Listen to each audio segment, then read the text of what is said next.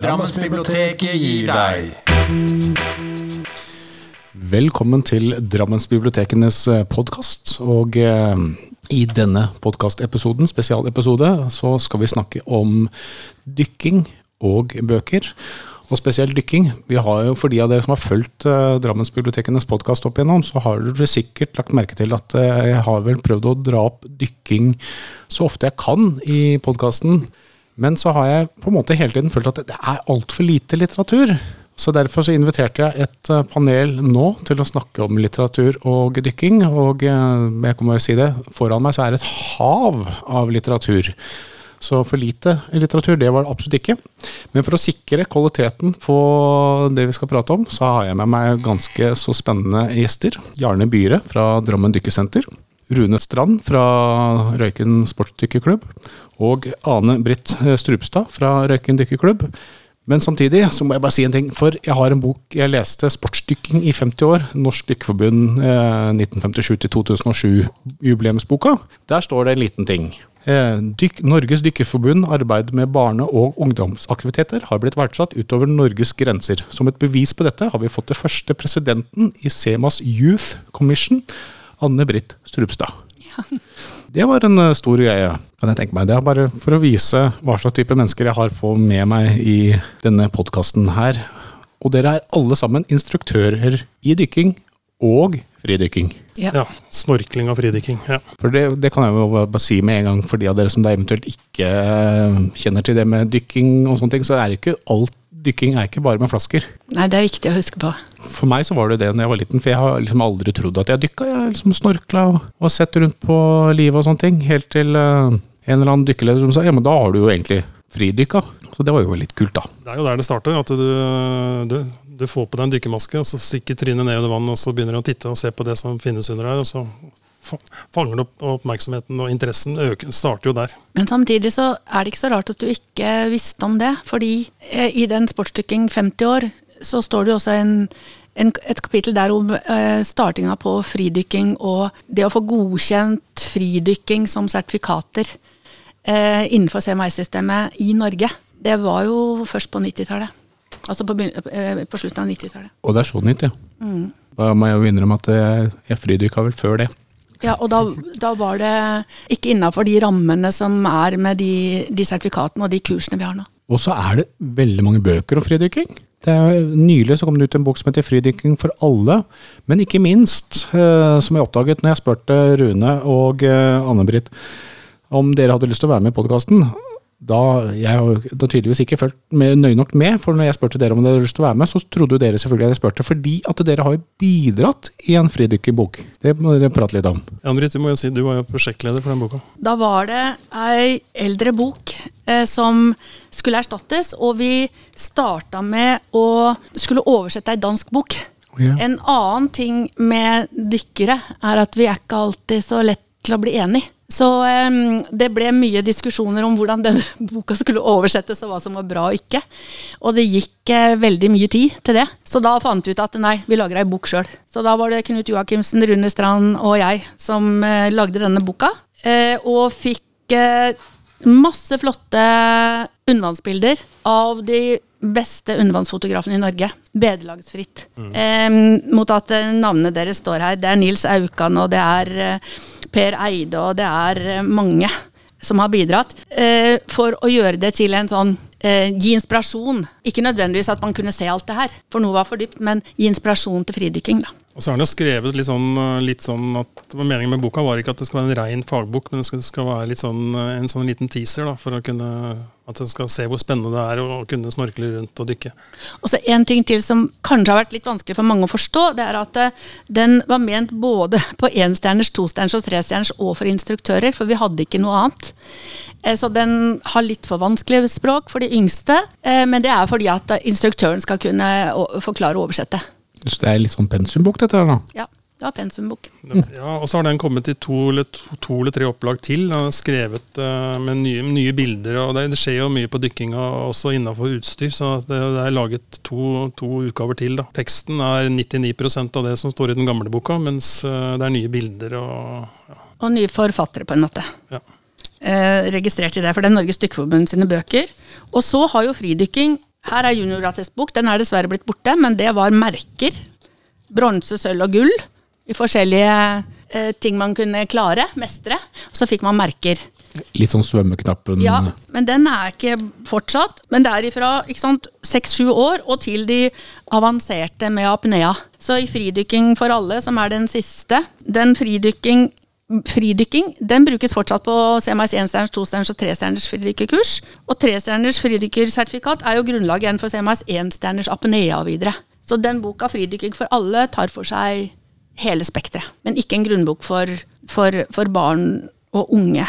Jeg vet ikke om du trenger å forklare den apnea-biten, men det er jo dypere, altså det er jo trening på dyp fridykking. altså Det er fra 10-15-20-30 meter og nedover. Hvordan man fokuserer veldig mye på sikkerhet og teknikker og pusteteknikker og avslapning og yoga og masse sånne ting som gjør at du, du kan pushe, pushe, kroppen lenger og lenger, men allikevel med, med, god margin til sikkerhet. Da. Og for å begynne på CMS 1-stjerners apnea-kurs, så kreves det CMIs trestjerners fridykkerkurs eller tilsvarende. Kan jo også nevne det at eh, Apnea er jo da konkurranseformen ja. innenfor fridykking. Ja. Så det er enten da stort sett eh, basert på to ting. Enten så er det å dykke så dypt som mulig i sjø, eller så er det å, dykke så langt, som, så langt som mulig under vann i basseng. Sånn at det er da den eneste konkurranseformen innenfor øh, Nei, det er det ikke. For har også, vi har undervannsjakt som konkurranseform, og undervannsfoto også som konkurranseform. Egentlig, og finnesvømming, men ikke i Norge. Ikke i Norge, nei. Men så. i Norge så er det da mm. apnea som er den store konkurranseformen for fridykking. Da snakker vi om ekstreme dybder. Altså vi snakker om dybder over 100 meter på fridykking og, og over 200 meter på sånn hvor du senker deg ned langs med et lodd. Og de holder pusten i basseng over ti minutter. Men det, når andre folk som ikke er vant til dykking, og vi snakker om fridykking, så er det vel det folk tenker? Hvis, hvis du googler freediving, så treffer du disse, disse, plassene hvor du driver med den ekstreme den apnea-biten. Ja. Mens eh, noen mente at vi skulle ikke kalle fridykking for, for fridykking, vi skulle kalle det for snorkling.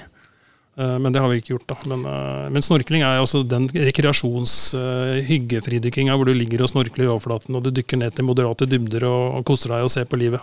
Jeg, jeg tror mange av oss som, som driver med apneadykking, sånn som jeg, ble nok veldig inspirert av Le Grand Bleu, altså The Big Blue, som, som da egentlig portretterer den eh, versjonen som Rune er inne på. Den der ekstrem versjonen som egentlig ikke er representativ for eh, vanlig fridykking.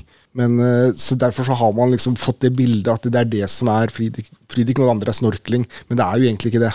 Og så tenker jeg at det er en forskjell. Snorkling, det er å ligge i overflata, puste i en snorkel og se under vann. Eh, og det kan man oppleve mye med. Men hvis man da har et fridykkerkurs, og f.eks. drar til Rødehavet, eh, hvor du har rev som er ganske grunne Hvis du da har et eh, fridykker, CMS fridykkerkurs, hvor du er blitt trygg med å dykke ned, du er blitt trygg i, til hvordan du eh, forholder deg til ting som kan skje under vann, så vil du få en helt annen opplevelse enn bare å ligge og snorkle. Jeg tenker jo, eh, Det er litt sånn det er en god del som tar apnea-kurset ikke fordi de har lyst til å konkurrere eller dykke så veldig dypt, men for å bli bedre på sin fridykking. Og litt på samme måte som jeg anbefaler apparatdykkere å ta et fridykkerkurs, fordi det gir deg en annen forståelse, en annen ro, når du driver med apparatdykking, sånn at det hjelper. Selv om du ikke skal ned på disse ekstreme dybdene, så hjelper det deg veldig mye. Nå begynner jeg å ta det på sidelinja på litteraturen her, men likevel, hva er forskjellen på enstjerners og tostjerners fridykker? Og trestjerners. Ja, og trestjerners. Enkelt forklart er det samme teorigrunnlag, stort sett samme øvelser, men mer og mer av hver del dypere og dypere eh, dykk. Det starter f.eks. med énstjerner altså på salto forlengs én gang og salto baklengs én gang. På trestjerner så er det tre saltoer forlengs og tre saltoer baklengs i ett på eh, Salto bare i vannet? I vannet. For å, for å, finne ut hvordan er det ørene mine fungerer i forhold til når jeg tar salto. Blir jeg svimmel? Har jeg retningssansen i orden? Og sånne type ting har veldig, eh, god, veldig god trygghet også på apparatdykking. Det å dykke til dybder i, på énstjerner, så trenger du ikke å være i åpent vann i sjøen, men på tostjerners og trestjerners så må du avslutte med en åpenvannsprøve. Og du skal bl.a.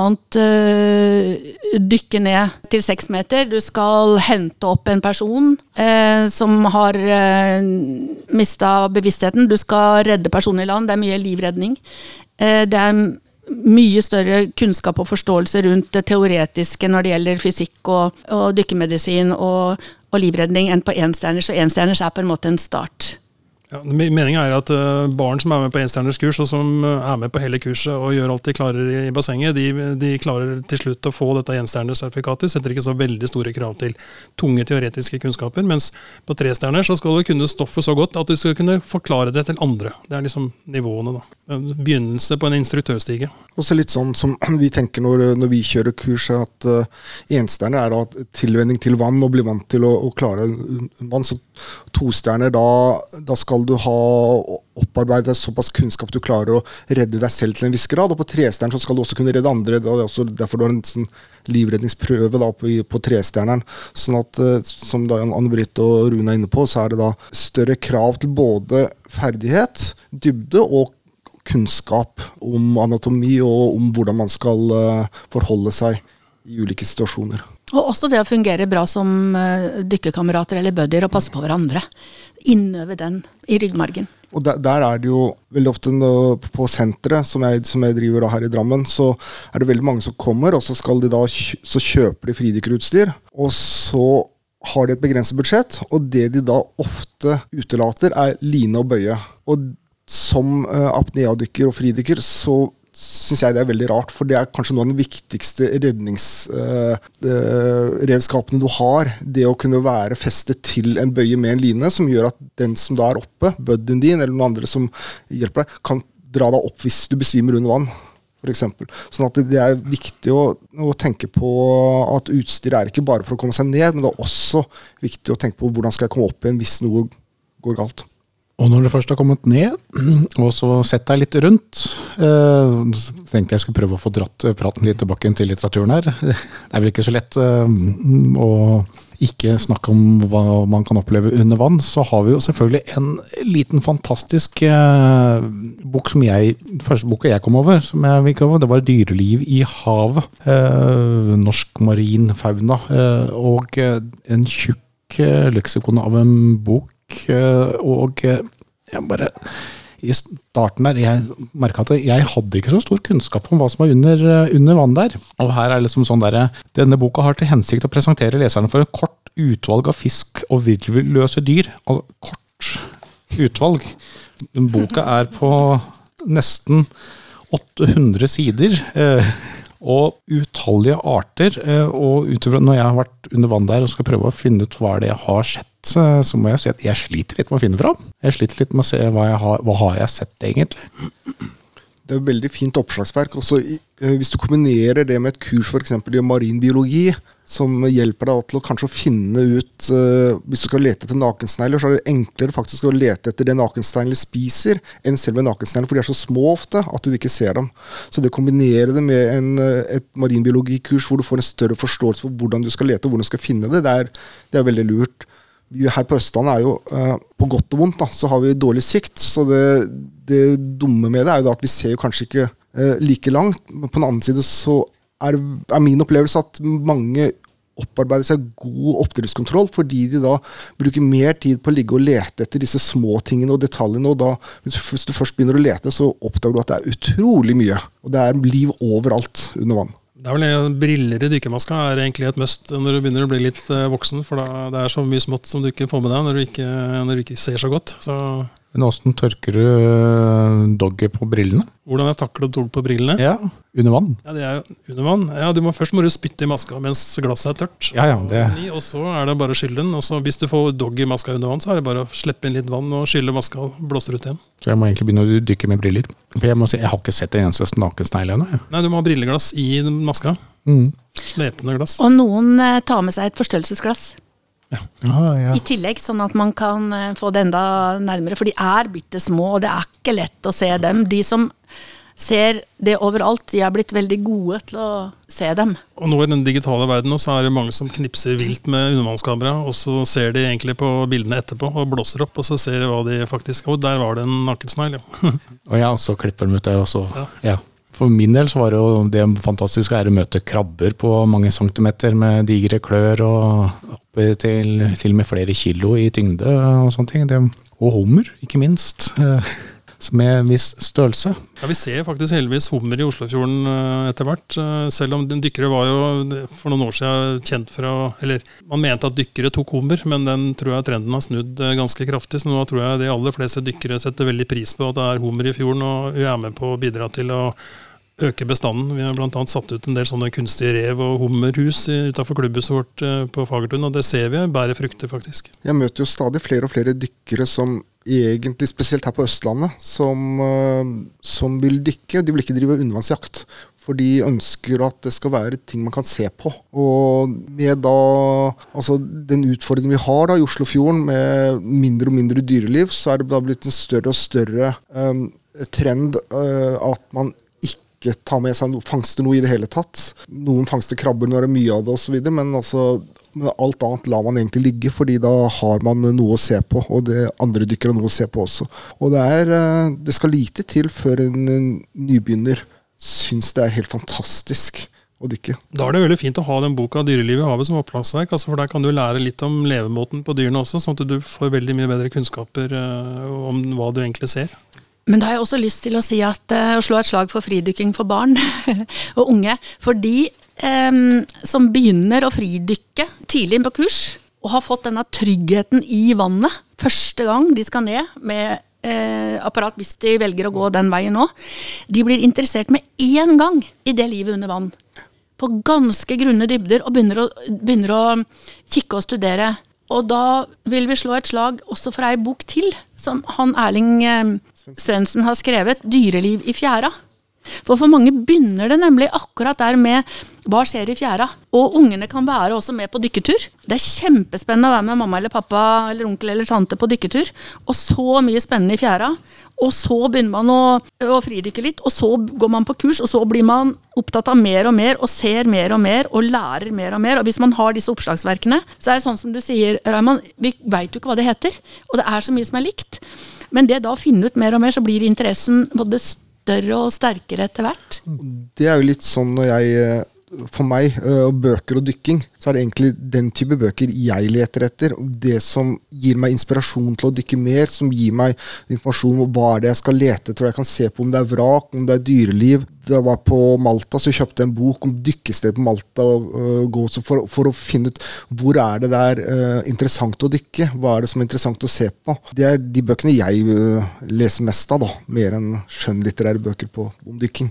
Så har du jo en eh, fyrverkeri av en eh, forfatter og marinbiolog, Pia V. Dalen, som har skrevet eh, boken 'Verden under vann'.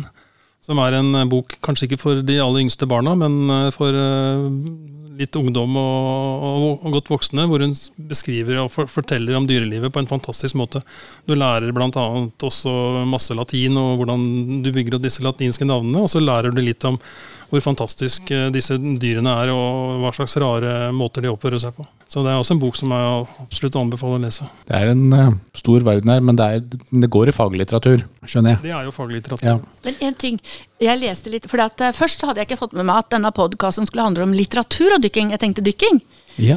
Og så gikk jeg inn på nettet og så litt på litteratur og dykking. Og da er det faktisk nevnt Jill Svern som en av de første. En verdensomseiling under havet, sjøl om det ikke er dykking. Men en inspirasjon til det å oppleve, oppleve ting under vann. ja. Og Rune, vi er jo gift, Rune og jeg, og vi seilte en sånn langturseilas eh, Nord-Atlanteren rundt. Og i Karibien så kjøpte jeg denne fine barneboka. Som er litt sånn eh, Gilles Verne med livet under vann. Og jeg tenker, dette er også sånn skikkelig skikkelig inspirasjon til, til dykking og livet under vann for de minste. Eller ikke de aller minste, for de ødelegger den. Dere har ikke funnet ut om den eh, er i Norge? Nei, jeg har ikke funnet ut om den er i Norge. Den er jo helt fantastisk. Se på den. Den var jo kjempestilig. Ja, den er på fransk. Men de hadde selvfølgelig hai her òg, ja. Eh, Jeg tenker at det er så mange som er redd for hai, men Ja, det er mange som er redd for hai, særlig da man er barn og lurer på er den i Norge òg. Er det trygt, dette her? Og du må trygge barna først med at haien i Norge er ikke farlig. Men teksten her, ja, nå er jo den på spansk. Eller spansk er denne på. Ja, spansk er denne på. Så, Og blir vel, eh, hvis man ser på verdensbasis, så er det flere mennesker som blir drept av kyr enn av hai, så Ja. den eh, frykten for hai er sterkt overdrevet. ja, og da anbefales vel egentlig å lese mest mulig litteratur om haien, for den saks skyld. eh, Så vet man jo det. Ja, Da lærer du jo om levemåten på haien, ja, at den ikke er farlig. men hvor- Litt hvordan du skal oppføre deg. Det, det var noen som drev med undervannsjakt på fisk i områder hvor det var mye hai, og det er klart, da, da ber du om trøbbel. Men i den tause verden av Jacques Cousteau, vi kan si litt om han. Eh, Den boka er jo en av de skikkelige klassikerne. Eh, Ja, da snakker vi om en gammel klassiker. Da. Gammel klassiker, Jacques Cousteau, eh, som vi kan fortelle litt mer om. Men i den boka så er det bilder. Ja, den tidligste, han var jo den som fant opp vannlungen, han og en til. Og det var eh, sportsdykkerens eh, bugge. Men med bilder av med denne vannlungen, som er eh, eh, flaskesettet på en måte, og ei lang, et langt treklubbe. Og det kalte de haiklubbe. For den skulle de ta dytte bort haien med. Bare slå på, slå på snuten på haien eh, hvis han kom for nære. Så stakk han. Det er feiging. Det er ikke hvithai, da. Jack og stå, eh, det kan vi jo egentlig snakke litt mer om, for dere hadde vært på Det er et senter et eller annet sted, har jeg skjønt? Guadalupe i Karibien. Øya Guadalupe i Karibien. Du kan fortelle om den, Rune. Vi hadde en egen, et eget mål da vi seilte Ja, vi hadde et eget mål, da vi skulle til Guadalupe, og der har han et sånt marin, eller sånn, eh, et dykkesenter, eller et senter for, eh, som er freda, og så er det fine dykkeforhold der. Og Jacques Cousteau han var jo kjent for å gå med rød topplue, så på veien over til, eh, over til Karibien så strikka han i britt en Jacques Cousteau-lue til meg. Og jeg hadde sagt at jeg skal dykke på hans dykkesenter med hans røde lue. Og, da, og der er, har han en statue av seg sjøl stående på 15 meter, så jeg har et bilde av meg sjøl ved siden av statuen til Jacques Cousteau. Med, han hadde en topplue på seg, og jeg hadde en strikka lue som Anne Britt uh, strikka til meg. Når bildet ble tatt, så var det tatt uten blits, så du kan ikke se at lua, lua mi er rød, fordi når du dykker, så forsvinner all rødfarven når du kommer litt lenger ned. Så, men allikevel, jeg visste jo at den var, eh, at den var autentisk rød lue. Og, og hadde, Norges Dykkerforbund hadde faktisk et, eh, en kampanje det året hvor de skulle ta For sjakk og stå er jo den store dykkeren for alle dykkere. Det er liksom, det er der han det er der det starta, som, som sportsdykkere. Så det boka bør alle dykkere lese? Alle bør lese Den tause verden av og Stå ja. Men det er ikke så lett å få tak i, det må på et antikvariat. Og det er såpass, ja. Da må jeg nesten sjekke. Det var jo borte jo biblioteket ha. Engelsk, engelske Ja, det fins engelske utgaven, Ja. ja. The Silent World. Design World. Ja da. Nei, så det er eh, Ja, og vi var så av dedikert av det. Altså, da vi seilte ut fra Kapp Verde, 14-3 uker ja, seilas, eh, vi to, seilte på to uker, da hadde vi ikke det samme målet som de andre seilerne som dro ut fra Kapp Verde eller eh, Gran Canaria, men vi seilte til Guadalupe nettopp fordi at i jula, jula så skulle vi dykke på Costos eh, maritime senter. Det er veldig kjent eh, på Gødalop. Og da hadde vi jo besøk av barna våre i Karibien, og to av barna var jo med over på kryssinga, så vi hadde jo hele familiedykk på Sjakk og sitt dykksenter på Guadeloupe. Ja, det må være fantastisk, tenker jeg. Og der vi dykka, så er det en statue av Sjakk og Stå med da denne lua, som også er jo grått, da. Ja. Så det passa veldig passet fint. fint, ja. Jeg vant en kinobillett av Norges Dykkerforbund, for det var jo sånn konkurranse på dykkere i Norge som skulle vise fram den fineste sjakk- Cousteau-lua. Og da hadde jeg bilde av meg sjøl ved siden av statuen til Jacques Cousteau, Stå. og da var det ingen som klarte å matche den, så jeg, var helt, kinobillett med en gang. Og det er jo sånn eh, man sier, fargen forsvinner, og rødt er den første fargen som forsvinner Ja. når du går ned. Så da Ja. Ja. Så det er masse fine fargebilder i disse bøkene, men alle disse bildene som tas av dyrelivet i havet, det er jo tatt med kunstig lys. Så at, øh, å bruke en dykkerlykt når du både apparatdykker og fridykker er veldig interessant, fordi du, det kan se grått og kjedelig ut, men så lyser du på det med, med, med kunstig lys, så får du frem alle de fine fargene. Og de fargene de er jo helt ned på 20-30-40 meter, men uh, uten lys så ser det bare grønt og blått ut. Glassmaneter er også veldig fint når man lyser på dem. Jeg kaller det for havets ballerinaer. Ja. De er som ballerinaer når man dykker og ser på dem. Ja. Både grassmaneter og brennmaneter er fantastiske Ja. dyr. Og du, du, du er jo, alle, mange er jo redde for brennmaneter, men eh, hvis du fridykker og har på deg dykkermaske og klarer å nærme deg en brennmanet eh, litt forsiktig uten å rote deg borti trådene, så vil du se den, altså de nydelige bevegelsene. Hvordan de svømmer i vannet er jo fantastisk. Det bare væ- være veldig rolig. Så det er, så mye tøft under vannet at det blir helt over- overvelda, faktisk. Da kan vi jo gå over til litt annen type litteratur. Som en ting som sikkert kan oppta mange av våre eh, lyttere som er, eh, driver med dykking. Eh, For du hadde snakka om at du hadde med deg litt sånn guiding på dykkesteder, Jarne? Ja, jeg Som sagt, det er litt sånn som både Rune og Britt var inne på nå. Altså, når du er ute og reiser, så er det greit å sette deg form på hvor du har lyst til å dykke, og hva du har lyst til å gjøre. Og, så jeg har satt opp noen bøker som jeg syns er, eh, er artige. Det er jo da uh, scuba diving, Malta, Gozo Comino, som da er Middelhavet, som er et av de flotteste stedene å dykke egentlig. Og så har du da Er det bare oppramsing av steder, eller er det med Det er med bilder og, og, og forklaring på hvor, hvordan og hvor du bør dykke. Og, og beskrivelse av, av, stedene, sånn at du kan da velge ut stedene på forhånd ut ifra hva du selv liker. da. Og så har du den fra National Geographic 100 Dives Over Lifetime uh, og 50 Places to Dive Before You Die. Og der har du jo På disse stedene så har du også med noen av disse synotene i Mexico, blant annet. Ja, dere har vel det. uh, som er um, fantastiske steder. Um, og noe som ikke står der, mener jeg å huske. Jeg har selv to steder som jeg har lyst til å dykke i Kina. Det er uh, bl.a. Uh, utenfor Beijing, hvor du da til, kan dykke ned til de eldste delene av den kinesiske mur. Ikke de som er over vann, de som er under vann, som da 99,9 eller 99,99 ,99 av alle turister aldri ser. Men vi som dykkere da har muligheten til å, til å, se. Og så har du et sted utenfor Shanghai hvor eh, uh, da Kina skulle lage en um, elektrisitetsfabrikk, så demmet de opp et, en dal. Og da måtte de ta et valg, og dermed så demmet de også opp en av de eldste byene i Kina, som er 3500 år gammel. Som ligger på en 16 meter. Den korallen må du dykke ned til, og da kan du svømme i gatene da med eh, disse gamle plakettene som henger på husveggene og sånn. Så det er eh, to av eh, mine dykkemål da i, i Kina. Når vi snakker om dykkemål nå, så har jeg lyst til å bare dra hele samtalen over til litt eh, skjønnlitteratur. For det er en eh, fra Larvik-Holmestrand-området som har gitt ut en liten spenningsroman om dykking i Rødehavet. Ja, det er uh, Ole Johan Brett. Han er politimann uh, i Drammen, faktisk. Han var vel politimann i Svelvik tidligere. Han har skrevet en uh, historie om, om Tistelgorms hemmelighet. Tistelgorm var jo et engelsk uh, tropptransportskip og transportskip som skulle gjennom og inn i Middelhavet. Og ble liggende utafor, venta for å komme gjennom, gjennom Suezkanalen. Og Så ble den senka av tyskerne. og Den båten inneholder jo masse spennende ting som gamle motorsykler og gummistøvler og ammunisjon og Fly, ja. Mm? Fly, ja. Fly, ja. ja. Og Han har mange dykk på den båten, og han har skrevet en bok som heter 'Tisselgorms uh, hemmelighet'. Det er en bok som det er en skikkelig røverhistorie. Det han skriver, eh, historien er egentlig bare oppdikta, men alle de stedene han beskriver, og de folka han beskriver gjennom dykkesenteret Kolona som holder til i Sharm el Sheikh, alle de hotellene som er der, det er virkelige, det er virkelige folk. Og han beskriver dykkinga på den båten autentisk, sånn som det ser ut når du dykker der. Vi har dykka der sjøl, så vi har også vært inne i kapteins lugar og sittet i badekaret hans. Og det er også beskrevet i den boken, men, men, men selve handlingen er jo en skikkelig røverhandling, da.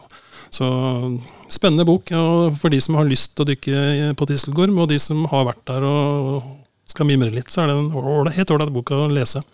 Jeg har lest den vel ferdig igjen i lett å lese og går ganske fort, og jeg leste den gjennom jula ganske få dager.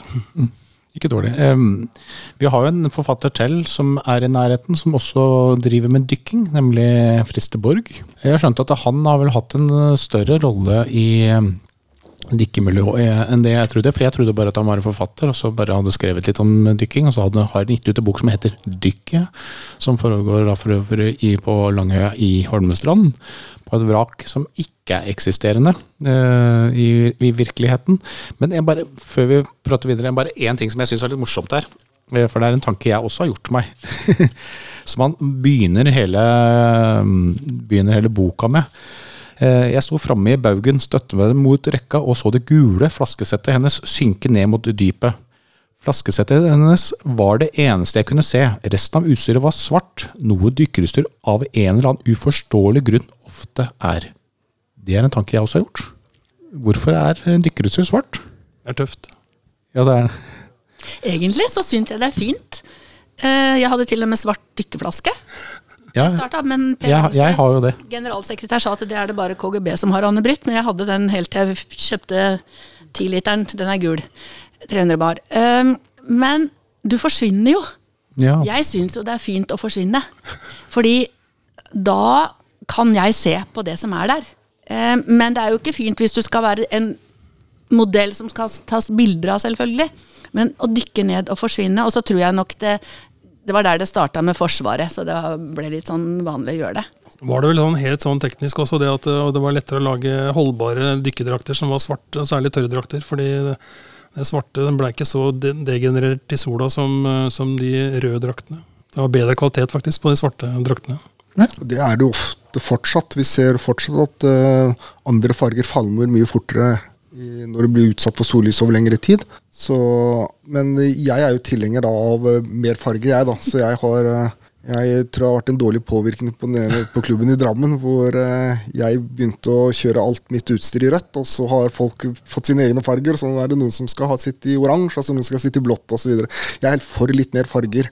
Og det er litt sånn at uh, vi får stadig spørsmål da om ja, men vil ikke det skremme bort uh, dyrelivet. De ser ikke så mye farger, altså, så det spiller veldig liten rolle. Mm.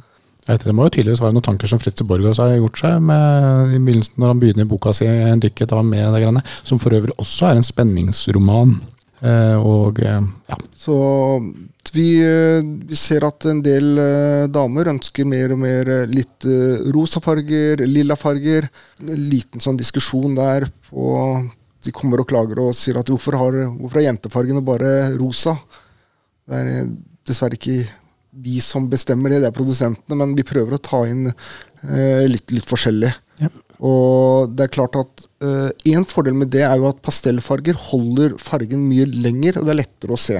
Og Hvis du har dykker sammen med en uh, dykkerbødd eller dykkerkamerat som har la oss si sin egen farge, da, så er det også lettere å holde sammen hvis, er, hvis det er mange dykkerpar i vannet.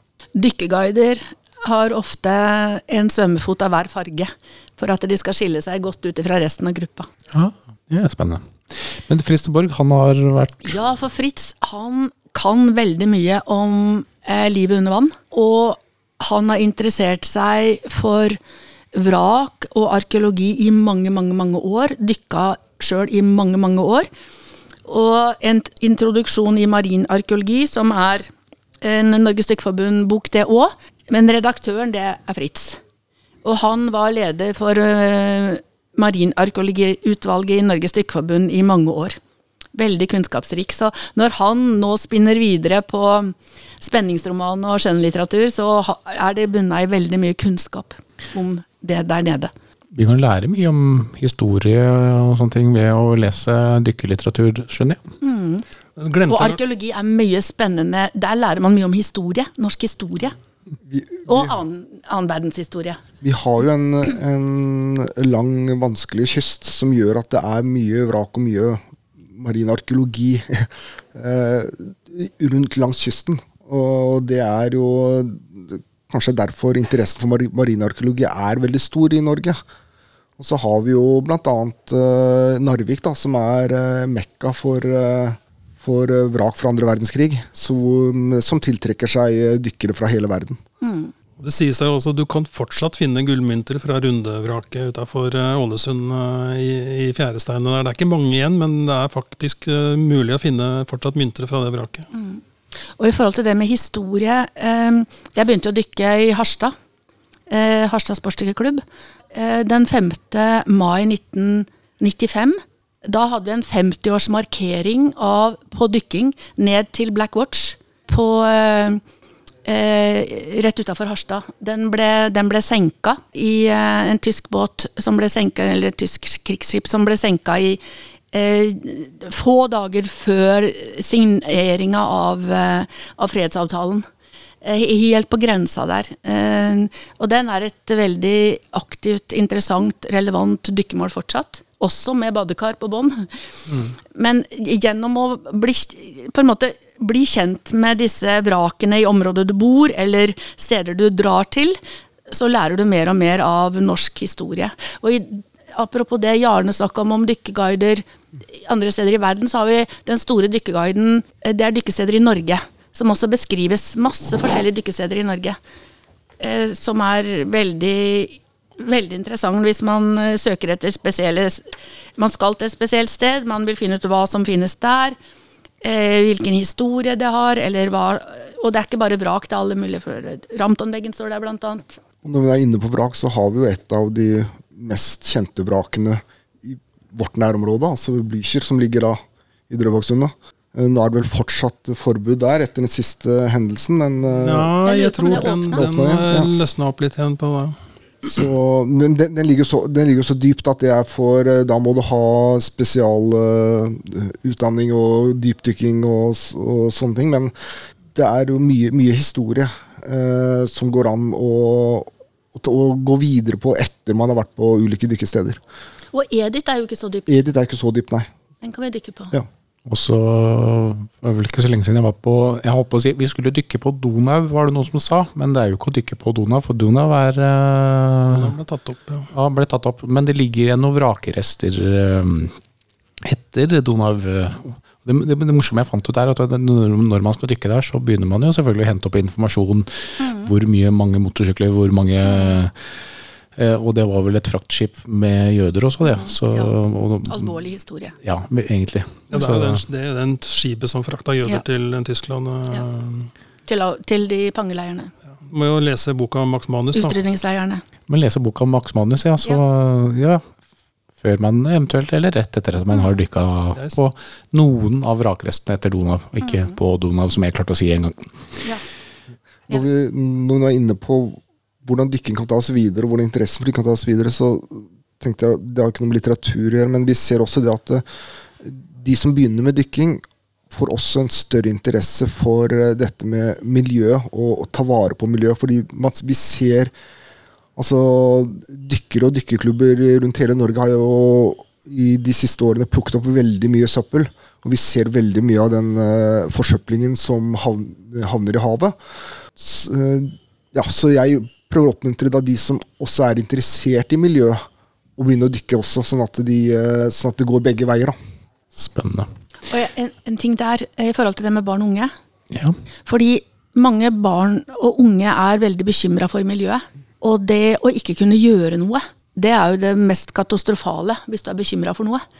Så gjennom, em, gjennom em, å være med og rydde, være med i forhold til å ta opp uh, søppel fra havet, være med eh, og, gjøre det bedre for havet, så føler de også at de, de bidrar. Og det gir en Det er jo en handling som fører til noe konstruktivt. Både for en sjøls velvære, men også for, eh, for, for livet på jorda og havet.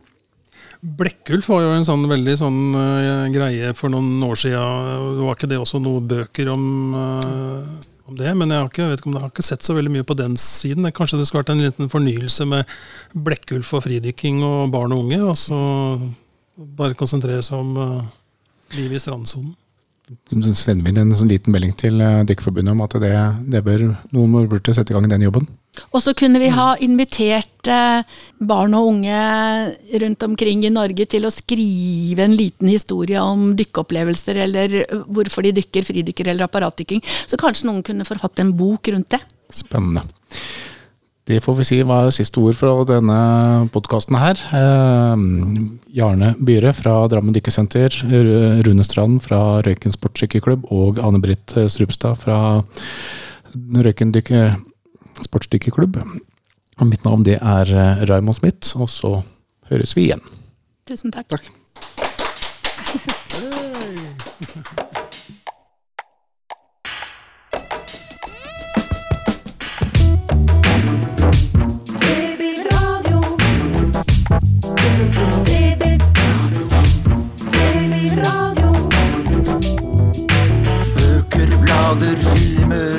aviser. Bilder, data, spill, musikk og nett.